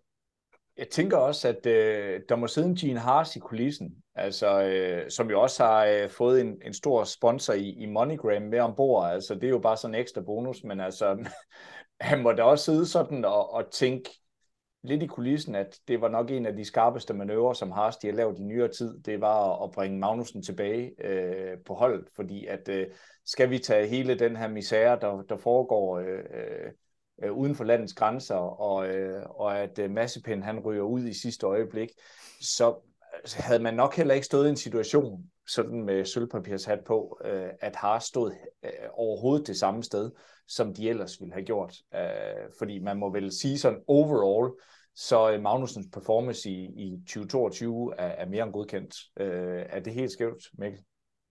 Nej, nej, det synes jeg bestemt. Altså, både ja og nej, og, og, øhm, og det, det, jo, det har været en, en godkendt sæson, og det har, det har været et, et super flot comeback. Øh, men man har også haft den der fornemmelse nogle gange, at han ikke er blevet presset nok fra den anden side af garagen, ikke? og det er jo, øh, han måske har kørt til tider til, hvad der var nødvendigt, og ikke hvad han, hvad han reelt kan. Og det er måske noget af det, vi kommer til at se forhåbentlig en anderledes, øh, øh, en anderledes performance til næste år, når det er Hylkenberg i den anden side, fordi han kommer til at presse Kevin fra dag et, øh, og, og de kommer til at presse hinanden, og forhåbentlig få det bedste ud af, af, af den her situation. Øh, det, var ikke, det var ikke noget, som, som Schumacher formåede at gøre øh, de fleste dage. Han havde nogle gode dage, Schumacher, hvor, øh, hvor Kevin så, så øh, ganske håbløs ud, ikke? Men, men der var flere af de øh, der var flere dage, hvor, hvor situationen var omvendt. Ja, fordi at, øh, altså, bare lige for at lukke den helt, altså, øh, man skal jo ikke underkende, at, øh, at, at Schumacher jo til tider faktisk outperformede øh, Magnus, især øh, anden halvdel af sæsonen. Øh, og øh, altså, de slutter jo på, på henholdsvis 12 point til Schumacher, og så 25 til, til, til, til Magnussen. Øhm, og, og, og altså, der kan man sige, at pointene taler også i tydelige sprog, og det er jo især, især særdeleshed i sidste halvdel af sæsonen, at Schumacher han jo kører, kører de her øh, point hjem, og måske også der, at han først begynder at, at føle sig sådan tilpas, øh, fordi han nok er blevet presset mere af Magnussen, end han blev øh, i, i 2021-sæsonen. Øh, så Øh, det var egentlig blot for at slå en krølle på Haas, og jeg kan da kun personligt sige, at jeg glæder mig afsindelig meget til at øh, høre jeres spot om, omkring Haas-teamet, når det er sådan, vi, øh, vi trykker på optag-knappen igen i januar. Og jeg glæder mig i særdeleshed, når det er sådan, at det er med øh, promiller indenbords, fordi så, øh, så, så bliver det jo rigtig konstruktivt. Mikkel, du vil lige sige noget? Ja, fordi jeg vil godt lige, vende, lige inden vi, vi forlader øh, den her Brasilien-weekend helt, så, så blev alt det her jo grundlagt, altså Magnusens pole blev, blev jo, eller præmisserne for det blev i hvert fald grundlagt, da, øh, da Russell han sætter øh, sin, sin, øh, sin bil af i kvalifikationen. Og på det tidspunkt, der lå Russell på en, øh, en tredjeplads, og det, det, så lå han jo en god position til, at, at, til sprintløbet, og han lå i en god position øh, efterfølgende til at, at vinde sit første rigtige Grand Prix om søndagen.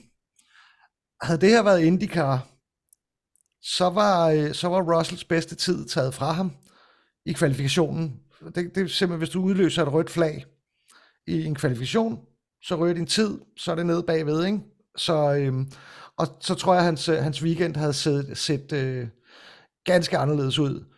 Så altså, jeg er egentlig selv, jeg kunne godt tænke mig, at den her regel, den også blev indført i, i, Formel 1, fordi jeg, jeg synes, altså, du, du, du kan sgu øh, gamble ret meget ved at, at, at, øh, at forsage sådan et rødt flag, når du, øh, hvis du er i en god position selv, og, og nægte andre kører det, øh, øh, altså nægte andre kører muligheden for, for at sætte en, en god tid, og det, det har man jo set flere eksempler på. Så øhm, jeg, jeg er lidt spændt på, om det, om det er noget, der, der på et eller andet tidspunkt også øh, vinder indtog i, i Formel 1, og det vil jeg egentlig personligt håbe, at det gjorde. Ja, det er jo en god vinkel, og det er jo også derfor, at, øh, at jeg kalder jer eksperterne, fordi det er jo en vinkel, jeg slet ikke øh, havde taget med i betragtning. Så egentlig en skarp analyse øh, derfra, øh, Mikkel. Øh, og øh, altså det endte jo også med øh, i Brasilien, at, at Russell han jo faktisk kører en sejr hjem, og, øh, og jeg ved ikke, om vi skal vende Mercedes. Øh, kunne man ikke godt lige vende Mercedes? Altså, der, der, der skete et eller andet der de sidste tre løb. Altså, det var ligesom om, der var ved at ske noget. Nej, det var det så ikke. Kan jeg se på Thomas, han sidder og... og nej. Jamen, eller, jo, altså, prøv at høre. Øh, jeg, jeg tror, øh, jeg tror øh, historien om mig med Mercedes, det er, at jeg altid langer ud efter dem. Så først og fremmest, så skulle jeg måske starte med at sige, at det egentlig... Altså, øh, Mercedes skal have credit for at, at have rykket sig øh, fra, hvor de var i starten af sæsonen til, til hvor de er nu osv. Etableret sig som, som øh, det tredje bedste, måske endda i slutningen af sæsonen, det andet bedste hold. Og så må jeg samtidig sige, det her, altså alle de her nyhedshistorier, der kom i kølandet på, på, øh, på Brasilien, hvor, øh, hvor der var ingen, der kunne finde ud af at udvikle en bil som, som Mercedes osv. Altså, jeg, jeg bliver gang på gang overrasket over, hvor kortsigtede de her såkaldte øh, eksperter er fra, fra øh, alskens forskellige øh, nyhedssider osv. Fordi Mercedes havde hele tiden sagt, alle med, med forstand på den slags, som kiggede på Mercedes-bilens profil, havde hele tiden sagt, at Brasilien det bliver en rigtig god bane for. Mercedes har selv været ude at sige, for det, eller sige det. Og, og ikke desto mindre, så hed historien bagefter, ah, men Mercedes, de kan bare finde ud af at udvikle en bil, og så videre. Og så kommer vi til det efterfølgende løb, og så ligger de et halvt sekund bagefter igen, hvis ikke mere.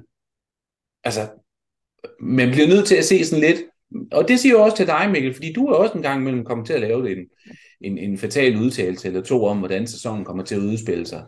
Øh, så der skal du også lige høre efter, Mikkel, ikke? fordi at, at man bliver sgu nødt til at kigge over et længere øh, perspektiv, øh, Mikkel. Så, øh, og det skal man også, når man kigger på Mercedes. Ja. Man, kan bare, man kan bare høre på ham, når han kommer i det der belærende humør. Man kan høre på hans tone. men det er altså... Jeg synes, det er lidt, lidt, lidt, lidt, lidt overlegn på en eller anden måde. Jeg, sy- jeg, synes, øh, jeg synes, der er nogle lektier at lære her, som vi måske alle sammen skal til lidt til os. Mest, mest Mikkel, tror jeg. Mm. Mm. Ja. Mm. ja. mm. Mm. Øh, nå, jamen, øh, så øh, det er hele tiden med at prøve at finde, hvordan vi lige får lavet øh, overgangen til næste... Nej, nu var der ikke nogen overgang. Vi skal snakke Red Bull. Øh, den, øh, den dominante Red Bull øh, i form af, af Verstappen, og, øh, og øh, han ender jo også øh, som nummer et i øh, køremesterskabet, og så er der så hele den her misære med Paris, som jo faktisk slutter marginalt efter Leclerc, og, og øh, og, og, og, og jo reelt set også den episode, som udspiller sig med, med, med Verstappen, der måske kunne have hjulpet ham med at, at trække en 1-2 hjem i stedet for, øh, men som han så vælger ikke at gøre. Øh, jeg ved ikke, hvor meget man skal dvæle ved den, men altså, jeg synes da alligevel, det er en spændende historie. Red Bull, de har været øh, alt dominerende i år. Øh, har de overhovedet sat noget forkert, Mikkel? Kun lige i starten. Øh, og det var der, hvor det så virkelig ud som om, at denne her, den ville Ferrari løbe med. Så, øh, men øh, lad det nu ligge.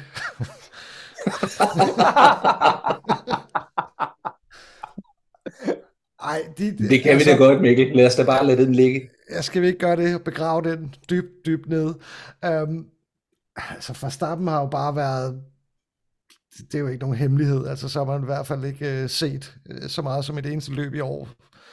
Øh, Verstappen har jo bare været fuldstændig dominerende på nær to øh, DNF'er eller sådan noget lignende. Ja, det tror jeg, det, det er blevet til. To DNF'er i starten af løbet, eller i starten af sæsonen. Perez har været lidt mere svingende. Øhm, det, det, det, det hele handlede om det her, og det vi skulle snakke om, det var egentlig, at de formåede jo ikke at få denne her 1-2, som jo ser rigtig flot ud på, øh, på papirerne, eller i, i historiebøgerne og alt muligt. Jeg tror aldrig, jeg tror faktisk aldrig, at Red Bull har formået at lave en 1-2'er, som Mercedes jo har, har gjort. På en eller anden måde kan jeg ikke forstå, at når, når først mesterskabet er i hus, at man så fra teamets side ikke går ind og siger, det var rigtig fint, nu har vi mesterskabet, vi har konstru- konstruktørmesterskabet, vi har køremesterskabet. Lad os lige få øh, det sidste øh, kirsebær på, på toppen af, af, af kagen her. Øhm, og så går hele hjertet ind for det, men altså det, det var jo meget tydeligt, at det, øh, det var der i hvert fald i den ene side af garagen ikke øh, den store øh, velvilje til. Så, øh, og der kom lige pludselig nogle, det væltede ud med nogle øh, skeletter af skabet der, ikke, omkring øh, den her episode i Monaco, som, ja, jeg, jeg, jeg, jeg så den, øh, jeg så sådan et, øh, et analyse af den, øh, af, hvor Kisa havde den fremme og lige kigge på den, og jeg ved ikke, jeg synes sgu ikke, der var så meget i den, men øh, vi ved jo heller ikke, vi kender ikke hele historien, så, øh, men det blev i hvert fald meget tydeligt om, hvem, hvem der reelt bestemmer i det her øh, Red Bull-team. Og ja. det, er ikke, det er ikke en, der hedder Christian. Nej, det er det i hvert fald ikke. Thomas, har du noget at supplere til Red Bull 2022? Nej, men øh, det er jo, det er, det er jo altid, øh, og det er vildt nok, at vi ikke engang har snakket eksempelvis om bil hernede nu, men det er jo altid øh, et kæmpe problem for et hold, når en spiller eller her en kører et eller andet sted bliver større end holdet selv. Og det er jo den position, Red Bull står i, og det bliver jo ikke altså, øh, øh, bedre belyst, end at du har en bil, som, som i den ene køres øh, hænder er, er totalt dominerende. Han tager rekorden for flest løb vundet på en sæson nogensinde. Og den anden kører slutter på en tredjeplads. Ikke en anden plads, en tredjeplads. Og jeg ved godt, der ikke var særlig mange point mellem Leclerc og, og, og Perez. Ikke desto mindre. Når du har en bil, som kan være så dominerende, og den anden, han, han slutter altså, et eller andet sted milevidt derfra, så er det jo klart, at Red Bull de står et kæmpe problem, fordi de har en kører, som, som de bliver nødt til at lægge altså, alt deres vægt over på, og så videre. Og det gør også, at han får utrolig meget at skulle have sagt, og det er, øh, for nu at bruge sådan et godt gammeldags øh, udtryk, det er en værre kattepine, de har bragt sig selv i, ikke? Fordi at, at altså, det er Verstappen, der bestemmer. Det er Verstappen-showet nu. Ja. Øh, og det bliver eddermame godt nok svært for dem at ændre, fordi at, at skal de nogensinde stille et, et halvvejs kritisk spørgsmål til Verstappen, jamen så skal de have en kører i baghånden, som de ved kan gå ind og som minimum performe 95%, ligesom Verstappen gør, og dem er der ganske, ganske få af i feltet, øh, i min optik.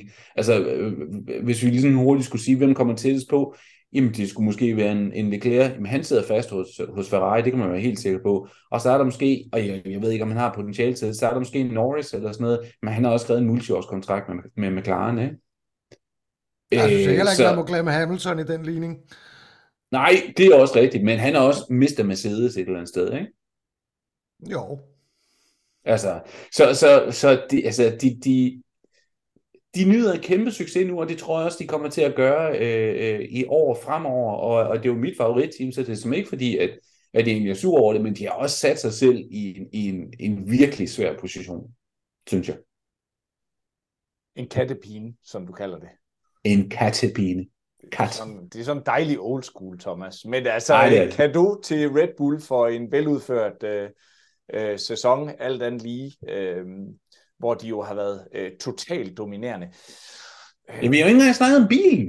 Det er jo, det er jo sindssygt, ikke? så, altså, vi har fået du to sekunder, jeg skulle lige... undskyld, Altså, undskyld. men så Rolig, snak om bilen, Thomas. Fortæl for filan.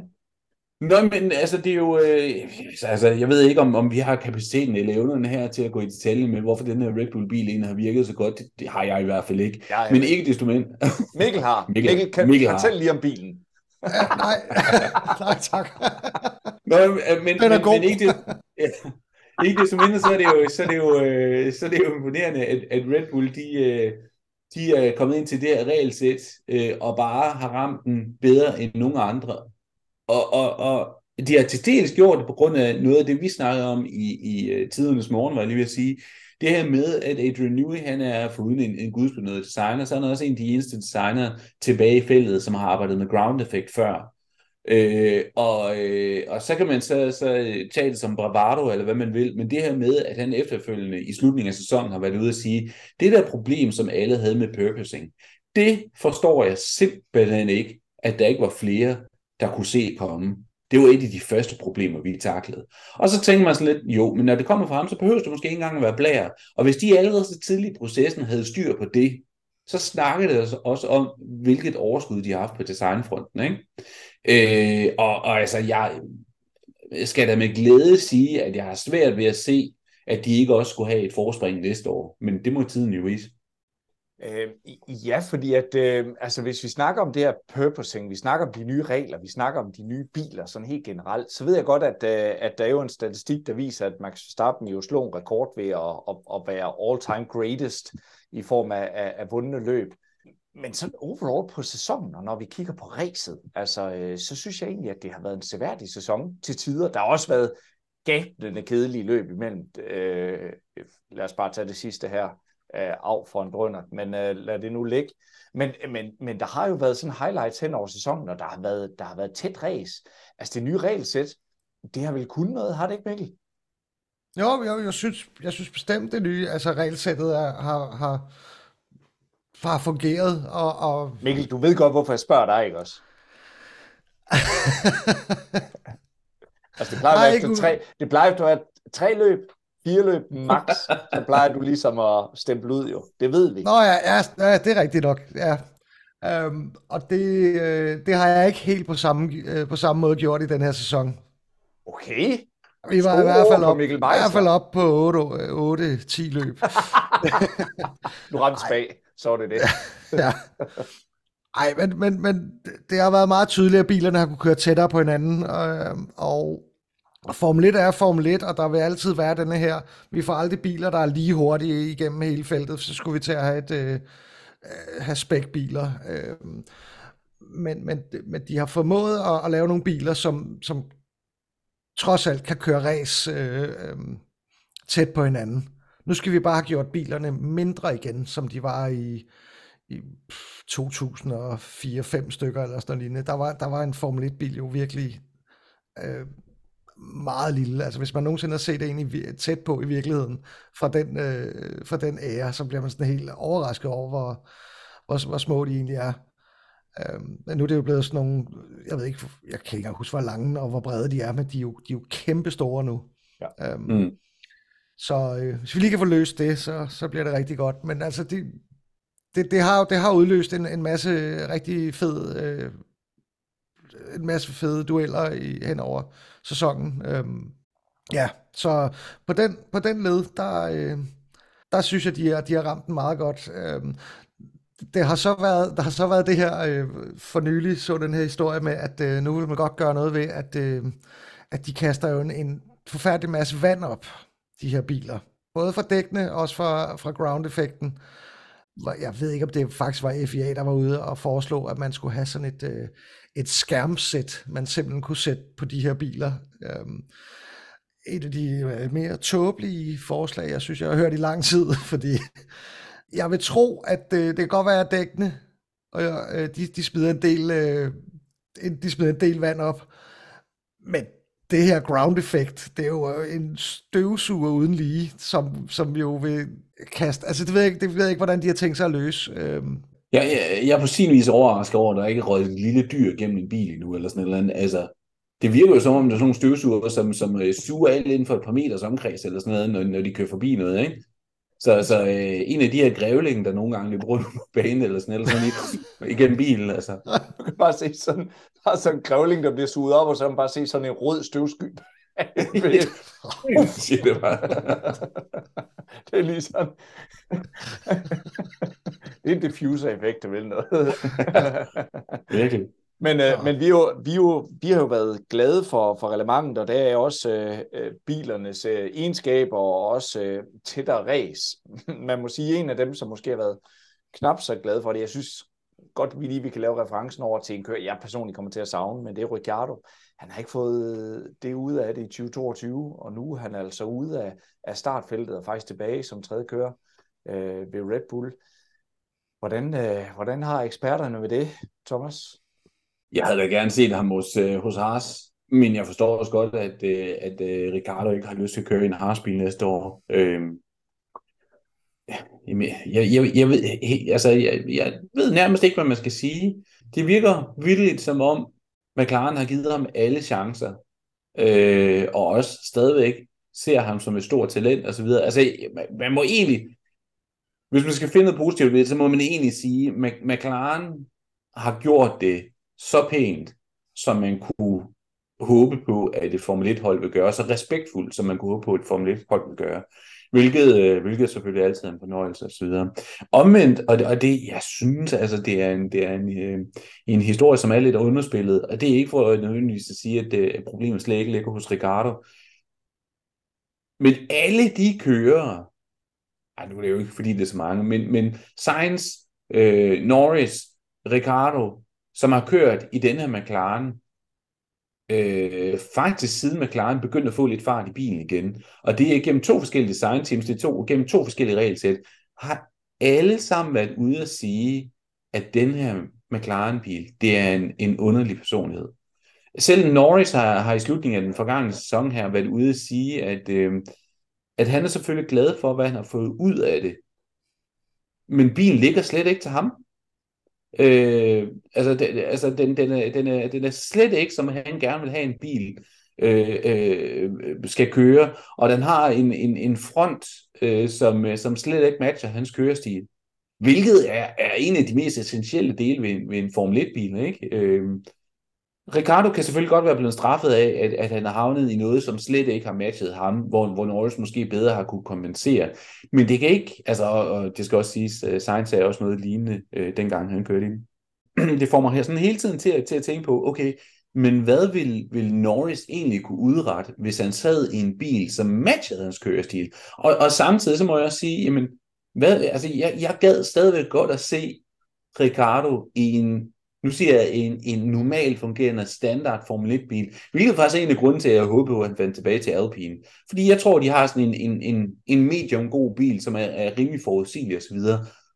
Og inden han fuldstændig tager sit exit fra sporten, så kunne jeg bare godt tænke mig at se ham køre i en bil, som gjorde, hvad han gerne, hvad, hvad, hvad han gerne kunne tænke, eller godt kunne tænke sig, og så se, hvor hans, hvor hans, eller hvad hans talent egentlig rakte til.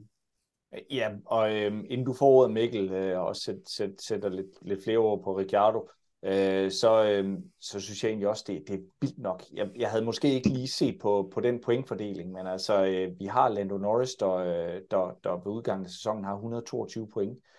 Øh, Ocon øh, ligger nedenunder på en 8. plads med 92, og så ligger Alonso på øh, en 9. plads med 81 point. Og Bottas på en 10. plads med 49 point, og så kommer Ricciardo altså, og hold nu fast, 37 point mod Norris' ja. 122. Ja. Jeg har ikke lige holdt, øh, holdt den her del af, af feltet af sure, men det kommer egentlig lidt som et chok for mig, at der så har været så stor forskel på. Og det understøtter måske også lidt det, den øh, exit, han står over, eller han, han, han, så, øh, han så er blevet en del af. Mikkel, 37 point mod 122, ikke? Ja, det taler jo sådan et rimelig tydeligt sprog. Uh, jeg, jeg, ved, jeg ved ikke, hvad det er, der, der ikke har virket for ham. Om det er, om det er som du, Thomas, siger, at, øh, at, at, at det er McLaren-bilen, der ikke har passet til ham, eller om det simpelthen er det her øh, relevant. Øh, øhm, ligesom vi snakkede om tidligere, at, øh, at Fettel var utrolig god øh, til, denne her, til det her øh, dobbelt øh, diffuser relevant, så har... Øh, så kunne man godt mistænke øh, Ricciardo for at være utrolig ringe til det her ground effect øh, relevant. Så øh, jeg ved ikke, hvad jeg skal sige til det. Jeg tror ikke engang selv, at Ricciardo ved, hvad han egentlig skal sige til det her. Det er, det, det er bare, det har bare været stor undren øh, for ham. Der har været min fornemmelse hele vejen igennem. Jeg, altså simpelthen, jeg ved ikke, hvad der, hvad der er galt. Nu er han jo så øh, kommet hjem igen til, til Red Bull som, øh, som reservekører, og det er, det er måske ikke øh, den store sejr for Ricciardo, men det er, jeg vil sige, det er sgu meget godt gjort af, Red Bull. De, de får en hjem, som er en populær kører, som de kan sende ud og lave en masse PR-arrangementer, og sende ham i simulatoren, og, og han, han, kender jo, han kender jo teamet, og, og øh, efter sine på god fod med dem, og så har du stadig lige sådan en, øh, jeg ved ikke, hvad man skal kalde det, men altså, øh, hvis øh, Perez, han skal måske ikke føle sig alt for sikker i sit sæde, før man siger, okay, men altså, vi, hvis du, hvis du, ikke, hvis du ikke spiller med her, og hvis der begynder at komme lidt dårlig stemning nu, for var der det her Monaco og denne her tredje plads og sådan noget, og hvis, hvis der begynder at blive for mange øh, sure rønnebær i forhold til det, jamen så, øh, så, har vi, så har vi vores australske ven lige her ved siden af, som, øh, som kan gå ind og overtage. Så det, jeg hørte dig sige, Mikkel, det er, at de kommer til at sige til Perez, at hvis I ikke gør, som Max han siger, ja. så, så kommer Ricciardo ind, fordi han vil gerne gøre, hvad Max siger. Det, det, det, det, det er scenariet. Det, det kunne det være i hvert fald. ja, og, og jeg, jeg tænker egentlig, at øh, vi, øh, vi holder øje med, med Ricciardo i, i kulissen. Øh, en, som vi måske ikke kommer til at se helt så meget til i kulissen, det er øh, den helt store nyhed. Og Thomas, jeg vil gerne overdrage den til dig, fordi nu har du været inde omkring Ferrari før, øh, og egentlig også lige givet dem nogle hug. Og det er blandt andet også en af dem her, som jeg har glædet mig lidt til, at du kunne kommentere på. Øh, Binotto ude, Thomas? Ja, uh, ja, hold, hold nu fast. Altså nu, nu, nu rodet jeg, øh, eller, ja, rodet rundt, det kan man måske godt sige, men nu sagde jeg, nu er jeg ved at sige, øh, det amerikanske skideskuer, før da jeg omtalte Ferrari, men, men, og der vil de fleste sikkert sige, at det er jo italiensk og så videre. Det amerikanske, det bragte egentlig på banen på grund af, at hele den her historie, den som del, til dels er opstået øh, på grund af det John Elkan, øh, den, den nuværende, hans CEO for, for øh, Fiat-koncernen og så videre. Og der er utrolig mange rygter om, hvad der er foregået og så videre. Mange af dem de peger i retning af, at uh, Binotto og John Elkan måske ikke har haft det, det bedste samarbejde. Øh, fair nok. Det er ikke mig, der sidder med det store ansvar der. Øh, og jeg ved naturligvis ikke, hvordan det foregår. Men som fan af Formel 1, og som, som hvad kan man sige, øh, fan nok til at se, hvordan Ferraris historik i sporten har været, så kan jeg ikke forstå, hvordan man kan blive ved med at lave den samme fejl. Altså det er sådan et, Ferrari insisterer på at være sådan et, et, et Sisyphos-projekt, ikke? Hvor, hvor fanden nede med den her sten, den kommer op i dag, men i morgen der starter vi forfra igen. Ikke? Hvad er det? Er det, er det, er det øh, fem teamchefer, de har været igennem nu på ni år? Øh, ja, og nu... Jeg, ja, jeg synes, jeg hørte, det var fire, men altså, vi er deroppe af et eller andet sted. Okay, fair nok. Men, men altså, de sætter, de sætter Binotto et mål, der hedder, du, i 2022, der skal vi kunne ligge og tage nogle podiepladser, og så tager vi den derfra. Binotto siger, fair nok, men jeg vil gerne først bedømmes i 2023. 2023, der kan vi tage en snak om, har jeg nået de her mål og så videre. Okay, så går han ud og laver, og nu siger han det selvfølgelig hele holdet, men nu er han spydspids for det, ud, for det hele. Så går han ud og laver en bil, som i første halvdel af sæsonen er den bedste bil i feltet. Og ja, Ferrari skal være, skal være skarpere og så videre, men det er den, det er den bedste bil i feltet. Øh, og så bliver han endegyldigt i slutningen af sæsonen straffet på grund af, at han faktisk har, har lavet et projekt, som et eller andet sted havde overperformet, så forventningerne lige pludselig i stedet var blevet, men vi skulle ikke gå på de pladser, vi skulle jo vinde verdensmesterskab, fordi det var det, bilen var, var til. Jo jo, men så flyttede du også lige pludselig goalposten, som det hedder på engelsk, ikke? Øh, og det, og ja, altså, det er hovedrystende for mig, at de smider ham ud. Også fordi de ikke engang har en erstatning. Og så, så, så kan man sige nok så meget, jo, burde de have været skarpere i år? Ja, det burde de nok. Omvendt, så er Binotto en af de største succeshistorier, hvis du ser på historikken hos Ferrari. Et, et eget udviklet talent, som har taget hele vejen op, og, og har gjort det med stor succes. Han, han, kom, han kom til øh, at stå i, i, i position til at, at lede det her hold, efter han havde rusket godt og grundigt op i deres motorafdeling, rent faktisk fået den til at virke. Ikke? Så, så nu straffer du en mand for hans succes, og gør det oven i købet på en måde, som kun har fældet Ferrari de mange gange, de har gjort det før. Jeg kan ikke forstå, at man kan være så kortsigtet. Kortsigtet, Mikkel, er, er, er, er, er det også sådan, du ser Ferrari? Jamen, ja, jamen jeg, jeg er egentlig meget enig i, i, i alt, hvad, hvad Thomas har sagt her om, omkring Ferrari, og øh, overrasket over det her, det sker, og så samtidig så er man jo overhovedet ikke overrasket, fordi det er Ferrari, øh, og de har jo kørt med det her, øh, denne her, øh, de har gået meget ud og sagt, at vi har jo den her no blame culture, og det har de også haft, indtil de så ikke havde det mere. Ferrari har også haft nogle, øh, nogle lidt øh, særprægede strategier i år, og nogle øh, strategikald, som har, altså, hvor man har siddet, okay, hvad er det plan? Det er ikke plan A mere i hvert fald, og det er, vi, vi er nok heller ikke på plan C, men vi er et eller andet nede i øh, KL, øh, Q et eller andet sted, langt nede i alfabetet, ikke? og det har også været sådan en, øh, en, en løbende joke inde, øh, inde på Facebook-siden, hver gang vi har haft øh, løbstråd. Ja, fordi der har, jo øh, været, der har jo været en plan D og en plan E, sådan i hverken gang imellem, når man har hørt over teamradioen, som jeg kan huske, hvor at, øh, det stort set blev kommenteret med det samme inde i løbstrådene. Gjorde det ikke det? Øh, jo, og jeg, jeg gad egentlig godt at, at jeg gad godt at være en flue på væggen til sådan et øh, præløb øh, strategimøde hos Ferrari, hvor de hvor de lægger alle de her planer ud på bordet, og så, øh, og, og så, skal, så skal kørende og, og teamet jo simpelthen øh, øh, ah. Kunne huske... Udenadslærer. Udenadslærer. Hvad er, hvad er plan A, og hvad er plan D?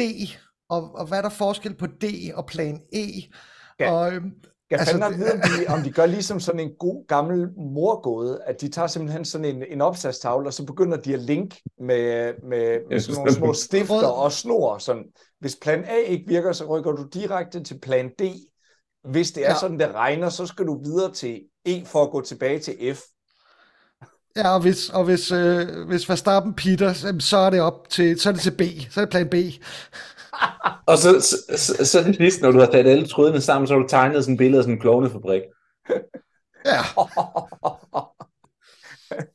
altså, men vi kan jo, vi kan jo, øh, vi kan jo pege nok så meget af Ferrari, men altså, det er vel det gør noget, vi også. Det er vel noget af det stærkeste, sådan i hvert fald fra starten af sæsonen, vi har set Ferrari i mange år, er det ikke det, Thomas? Jo, og det gør det sgu da endnu dummere, at de så har fyret manden, der har været spydspids for det hele. Og det er så vildt. Det er så vildt, fordi at næste år bliver det jo sådan lidt spændende, fordi det, det, er, jo, det er jo der, Binotto efter sine har lagt alle kræfterne. Det er der, hvor, hvor den nye struktur er blevet øh, er kommet på plads, hvor de, har, hvor de har tid til at forfine det her originale design, de har lavet på bilen osv., og, og der, hvor det hele skal gå op i en højere enhed. Og jeg har fuld forventning om, at der kommer et Mercedes, som er langt stærkere næste år, og, og så er der alle de her hold, som vi altid tipper til potentielt kunne overraske. Men hvis vi kommer til en sæson næste år, hvor uanset hvor de slutter, Ferrari kører, kører mere stabilt, alt fungerer bedre, så skal vi bare ikke glemme, hvem fortjenesten til dels skal falde til. Og han er så ikke hos holdet mere på det tidspunkt. Bravo Ferrari. Og, og så er spørgsmålet jo, hvem skal overtage efter Benotto, og, og hvem er egentlig interesseret i det job? Fordi det kan, altså, det kan ikke være det mest, øh, det, det mest attraktive job i, uh, i pitlane. Det er vel det, Daniel Ricciardo. Det er vel det ordsprog, der hedder, det er koldt på toppen. Og jeg tror bare, i forhold til Ferrari, der er det rigtig, rigtig, rigtig koldt. Jeg, jeg, har også siddet, jeg har også tænkt lidt på, om, om, om øh, fordi vi har også hørt Leclerc i, i løbet af, af, især hen mod slutningen af sæsonen, blev mere og mere indenbrændt over det her, øh, over Ferrari og holdet, om, om det her det også er en, en del af, at man gerne vil holde sin, sin stjernekører øh, glad og tilfreds. Fordi jeg er ikke sikker på, at forholdet mellem ham og Binotto har været, øh, har været lige godt hele vejen igennem. Så øh, om, det, om det har spiller ind, altså det ved vi jo ikke noget om, og det er jo, det er jo rene spekulationer. Men, men jeg og, tror, og, de stammer et sted fra, Mikkel. Det, det må jeg sige. Altså, ja. jeg, jeg tror, at de der spekulationer, de kommer et sted fra. Øh, og nu ved jeg godt, at, at meget snak er gået på, at, at det måske har været uh, Leclerc, som er, har, har skubbet lidt og så videre, og, og fair nok med det, men altså, vi har også set løb, hvor Sainz decideret har siddet for uden at køre en bil med 300, jeg ved ikke hvor mange kilometer i timen, så har skulle sidde og fortælle Ferrari, hvad der er den rigtige strategi. Og det har ikke været A, B, C eller D. Det har været noget, han selv er kommet på, mens han har siddet i bilen. Så, så ikke kun har han skulle sidde og lave alt strategiarbejdet, han har også skulle køre bilen og rådgive holdet. Ikke? Og det kan man sige, jamen fantastisk, at han har kapaciteten til det som kører og så videre. Men det burde jo ikke være en opgave, han skulle sidde med, kan man sige. Nej, nej, nej bestemt ikke. Bestemt ikke. Og, der, ja. ja. Og, og, og, der, og det må alt andet lige, selvom, øh, selvom man er øh, rigtig dygtig kører og sådan noget. Det må tage noget fokus for det, det han faktisk er ansat til, og det er at køre bilen. Så øhm, ja, der skal, der skal, det, det bliver sgu spændende at se, hvad der, hvad der skal ske hos Ferrari, og den, det, det, det navn, der har været fremme som en mulig over, øh, en til at overtage jobbet, det er jo, øh, det er jo Vassør, fra, øh, som jo nu sidder hos, hos Alfa øh, og som tidligere har haft et godt samarbejde med, øh, med Leclerc, da, da øh, Leclerc han kørte der. Om hvad så er interesseret i det, eller om han hellere vil blive hos Alfa og vente på, at der kommer øh, sådan fire ringe og overtager det hele, og han måske kunne få en, øh, en plads ved bordet der. Det er, det, er, det, vil kun, det vil fremtiden jo vise. Det virker lidt som at hoppe ind i sådan en brændeovn. Altså, det, det må jeg bare sige hos Ferrari. Hold fast, det går godt nok stærkt. Men øh, ja, ja. Øh, jeg kommer til at tænke på et øh, meget kendt citat, øh, og som jo er øh, faktisk fra i morgen af er højaktuel, og det er jo øh, et af mine store idoler, Olof Sand, som øh, ganske rigtigt siger, at vi må da håbe, det bliver bedre i morgen. øh, og det passer nok meget godt på øh, Ferrari på nuværende tidspunkt. Øh, Gud, det er ikke, fordi jeg har sådan meget mere på tapetet, men jeg synes alligevel lige, det var jo den sprang også lige i øjnene. Skulle vi ikke også lige vende, at George Russell, han slutter altså øh, med 275 point mod Hamilton, han slutter med 240 point. Havde I set den komme øh, i en 2022-sæson, Mikkel? Øh, nej, det, det havde jeg ikke. Øhm, og det er, det, altså det, det er godt gået af Russell at gå ind og, og, og sætte, sætte Hamilton øh, på plads på den måde. Men, men til det synes jeg også, der hørte til den historie hørte jeg også, at, at øh, Hamilton i starten af sæsonen jo var deres øh, øh, prøvekanin for rigtig mange øh, ja, mere eller mindre desperate ting, de prøvede øh, for at få den her bil til at virke. Så øh, hvor, hvor, øh, hvor Russell måske har haft en, en, mere, en mere stabil bil i, øh, i løbet af året, og øh, så, så, øh, så har specielt starten af, af Hamiltons sæson været, øh, været præget af, at, at han det var ham, der, der, der fik de nye dele. Det var, øh, det var ham, der, der var der, der, der skulle tage, prøve alle de her eksperimenter. Og, og det, øh, det var ikke alle sammen, der var, var lige gode. Øh, jamen altså, det er så lidt ligesom, øh, det, det ville jeg egentlig også lige have sagt før, da vi snakkede sådan Schumacher og, og øhm, og, og det her med, at han var råd ud, og det var et spørgsmål om erfaring og så videre. Altså, jeg tror også nogle gange, at der er noget kommunikationsarbejde, hvor man skal læse lidt mellem linjer og så videre, og, og med Schumacher, der tror jeg simpelthen, det handlede om, at har så skulle gå ud og sagt, men han er ikke hurtig nok, han er ikke stabil nok og så videre. Det er lidt det samme, jeg ser hos Mercedes, hvor jeg også tænker, det er også en god historie at fortælle, at Hamilton har stået for den primære del af udviklingen og så videre. Jeg tror helt sikkert, der er noget sandhed i det.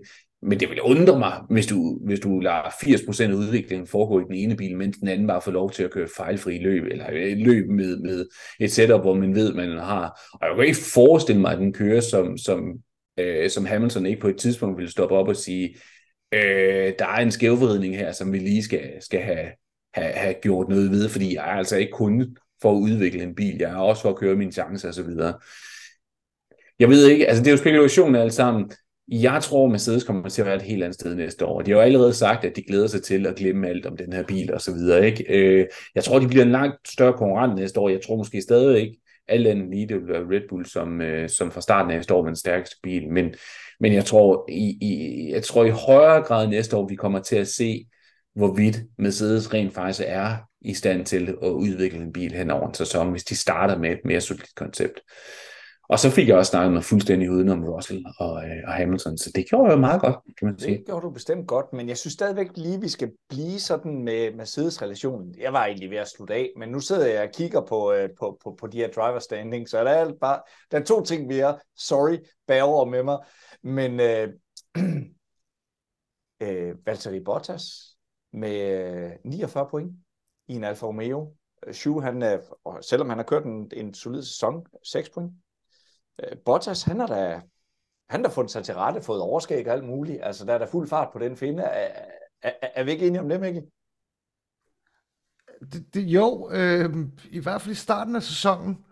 Han scorede rigtig gode point øh, op til Canada, og så var der en tørke fra øh, England til, øh, til Mexico, øhm, uden point. Kære lytter, øh, jeg stopper lige dig med, kære lytter, I kan selvfølgelig ikke se med her, men vi, er, øh, altså, vi kører jo et, øh, et online møde her, og derfor så har vi selvfølgelig også billede på. Og lige nu, der sidder Mikkel og skeler over til et eller andet, og sidder og name-dropper løb. Mikkel, hvad er det, du har på dit væg?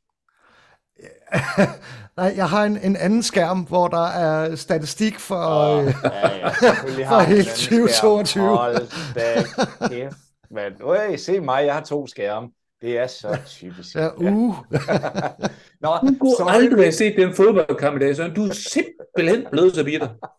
nej, jeg skal ikke bitter. Nej, nej, nej, jeg er for, ikke bitter. For øvrigt så havde, når, hvis vi, når vi nu er ved, øh, ved, ved fodboldkampen, så var der på et tidspunkt, hvor Australien, de, øh, de øh, skiftede en spiller ind, som hed McLaren. Og der tænkte jeg, ah, det er McLaren og Australier, og så, det er et dårligt kombo. Ja. Nu, nu kommer det til at nu vinde. Kommer, nu kommer det til at vinde. det gjorde det ikke. Nu bliver det godt. ja, det gjorde det ikke. Spoiler det alert. Nå, sorry Mikkel, jeg skulle bare lige have opklaret øh, den lille Men Bottas, første halvdel af sæsonen, kør. Jamen, hvad er der, der, er ikke, der er ikke så meget at sige. Det, det, det kørte bare for Bottas i starten, og vi så jo ham, og, og ligesom det i princippet også gjorde med, øh, med Magnussen, hvor, hvor det hoveddelen af hans point blev også samlet i starten, så de to, det, det, det kan jeg også huske, de havde nogle, øh, nogle ret fede kampe. Øh, så altså, det kan godt være, at Bottas han blev kørt agterud hos, øh, hos Mercedes, men altså, der er bestemt nogle, nogle kvaliteter, han har, taget, han har taget med, og det var ikke bare, fordi han sad i, i Mercedesen. Så godkendt og absolut flot gjort. Øhm, og så havde jeg lige den sidste, altså når jeg kigger på det, men det var lige fordi, at det, det, det lige slår mig øh, netop. Vi havde været inde omkring Williams, vi havde inde omkring, øh, at øh, de får en amerikaner i form af Logan Sargent ind i, i teamet, i stedet for Latifi, og han ryger ud med sine penge. Øh, Alex Albon, han scorer fire point, og Latifi, han scorer to point. Og Nick de Vries, han scorer også to point. Øh, hvor mange løb var det egentlig, at øh, Nick de Vries, han kørte? Et løb? Et ved, ja, den synes jeg er helt fair. Nick de Vries han kommer ind og kører et løb, øh, hvor, hvor alt tyder på, at hvis Williams skal score point i, i, i denne her sæson, så er det det her løb, de skal score deres point osv. Øh, det er overhovedet ikke for at underkende, øh, hvad, hvad Nick de Vries, Nick de Vries gør i det her løb, men, men det, er det er utroligt, hvordan hypen omkring ham lige pludselig har taget om sig, efter øh, han havde været sådan en kører, som ingen rigtig havde lyst til egentlig at rykke op i Formel 1, og, og nok sådan lidt var dømt til bare at køre sin chance i nogle andre løbserier osv. Øhm, så altså, jeg glæder mig til at se, hvordan han kommer til at performe næste år. Øh, han øh, skal køre over for en øh, Sonoda, som, øh, som i hvert fald til tider er, er rigtig hurtig og så videre. Ikke? Slutter, slutter Sonoda foran Gasly i år? Øh, Sonoda? Nej, han slutter med 12 Nej, point, hvor øh, Gasly han slutter med 23. Ja, okay. okay. Ja, men øh, det bliver spændende. Gud, har I, øh, har I mere på tapetet?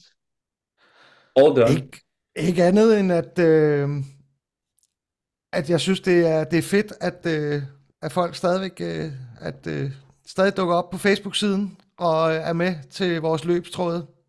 Jeg synes, det er skide hyggeligt at, og, øh, og, og snakke Formel 1 under løbet og, og øh, snakke om, hvilken øh, plan Ferrari nu er på og, og hvad vi ellers øh, har. Og øh, ja, så... Øh, Selvom vi ikke, selvom vi ikke er så meget øh, bag mikrofonen, så er der stadig liv i Facebook-siden, og den gode tone er altid top, så øh, fedt, bliv ved med det. Ja, fordi det er jo, det er jo netop det privilegie, øh, vi, vi har, og vi også havde håbet på, det er, at vi jo har et Formel 1-community, som vi jo stadigvæk øh, kan bryste os af, er Danmarks bedste. Øhm, og at vi byder ind en gang imellem med en podcast, øh, altså det er jo øh, det, det er jo så bare et privilegie, vi har, men at uh, siden den lever sit eget liv, det er simpelthen fantastisk. Og der ved også sagt, at hvis du kommer til at høre den her podcast, og du ikke er medlem af Facebook-siden, så ind og søg på næste Gear en Formel 1 podcast og meld dig på. Det er et fantastisk forum om alt, hvad der er Formel 1-relateret, øh, og, og det siger uden at blinke. Så den her lidt uh, impulsive udgave, som også viser sig at blive sådan, uh, ikke en maraton, det har vi da til trods gjort bedre end det her, men om ikke andet, så, øh, så, så fik vi da vendt en masse tophistorier. Derfor så kan det også være, at når vi mødes i januar, så er det måske meget godt, at der er alkohol involveret, fordi så kommer snakkestrømmen til at gå i endnu flere retninger, end den har gjort i aften. Og det er også en lille teaser om at øh, holde øje med jeres, øh, jeres øh, podcast feeds i løbet af januar, fordi at øh, der kommer vi til at indspille vores nytårsspecial. Den skal I selvfølgelig ikke gå glip af. Så på den note, vil jeg på vegne af Mikkel Meisler og Thomas Nielsen og mig selv, Søren Bunde, gerne sige tak, fordi I lyttede med til den her lidt impulsive åbning af næste gear i en Formel 1 podcast, Garagen. Tak fordi I lyttede med.